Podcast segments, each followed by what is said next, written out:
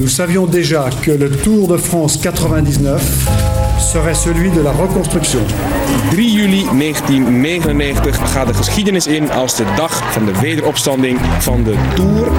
Als deze Tour de France de verkeerde kant op gaat, opnieuw schandalen en, en al dat soort dingen. Lance Armstrong has made a magical return to the Tour de France.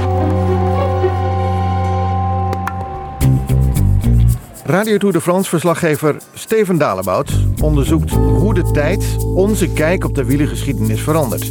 In een nieuwe aflevering van Toch nog een Tour.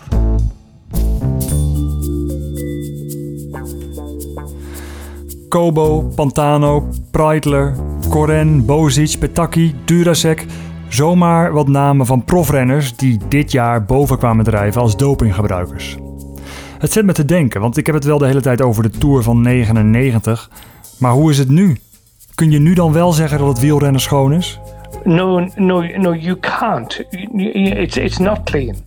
There are still people doping. Nee, zegt journalist David Walsh. Het is nog niet schoon. So, the, so the, there's no doubt that the journalists have to remain um, really interested in doping and they must continually search and continually ask difficult questions.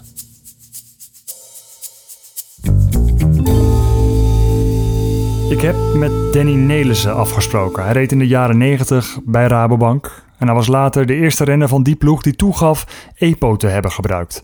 Volgens Nelissen was in 1999 niemand bereid EPO-gebruik aan banden te leggen. En dat is nu anders. Ze worden nu wel gepakt en dat was in 99 niet zo. Maar hoe weet je dat ja, die worden gepakt? De, de, de, de mensen, de renners waarvan we het weten. Maar hoe weet je dat dat, dat niet een heel klein topje van de, van de ijsberg is? Ik denk ook dat wel een topje van de ijsberg is en dat ze juist die uh, pakken.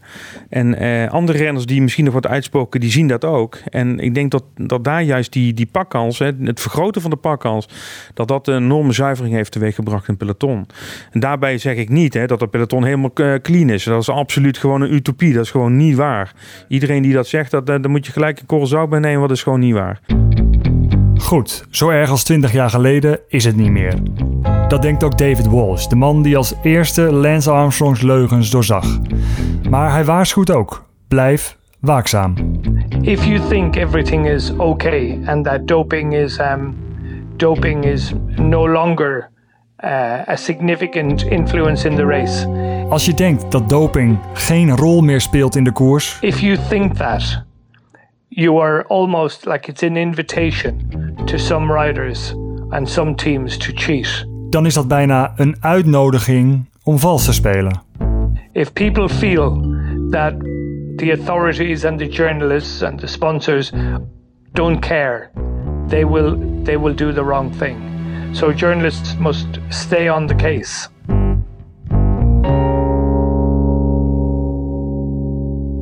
Precies 20 jaar geleden stond ik op het punt te beginnen aan de school voor journalistiek. Ik was 17 jaar oud en totaal met andere dingen bezig. Ik wist niks van wat zich dat jaar in de Tour de France afspeelde. En ik wist daarmee gek genoeg evenveel als velen die de Tour van dichtbij volgden. Als ik één advies aan die jonge journalist van toen op een papiertje kon schrijven, dan zijn het de woorden: Do not be cynical, but you must always be skeptical.